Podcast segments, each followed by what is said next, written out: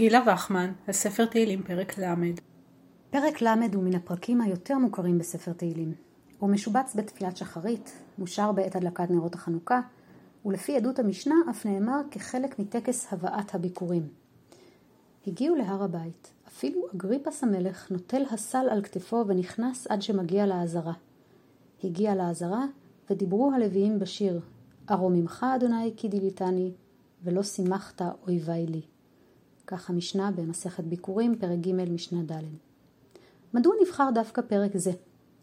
מן הסתם בשל הכותרת מזמור שיר חנוכת הבית לדוד, ואף שדוד המלך לא בנה את בית המקדש, יפה הוא מזמור ההודיה לאתר בו את מעמד הבאת הביקורים, ברוח הציווי המקראי בדברים כ"ו, ושמחת בכל הטוב אשר נתן לך אדוני אלוהיך.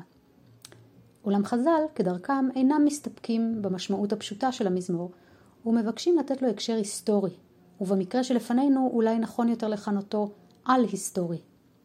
מזמור על בניין בית ראשון בימי שלמה. שיר על בניין בית שני בימי עזרא. ארוממך אדוני כי דיליתני מגלות בבל. ולא שימחת אויבי לי במדי ופרס. אדוני אלוהי שיבעתי אליך בגלות יוון, ותרפאני על ידי חשמונאי ובניו.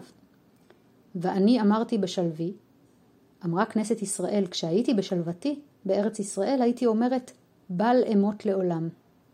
אדוני ברצונך, וכיוון שחטאתי, מיד סילקת שכינתך. הייתי נבהל. אליך אדוני אקרא מתוך הגלות, ואמרתי, מה בצע בדמי. שמע אדוני וכונני, ואתה שלחת דברך הטוב, והפכת מספדי למחול לי. וכל כך למה? למען יזמרך כבוד, שחילקת מכבודך לישראל.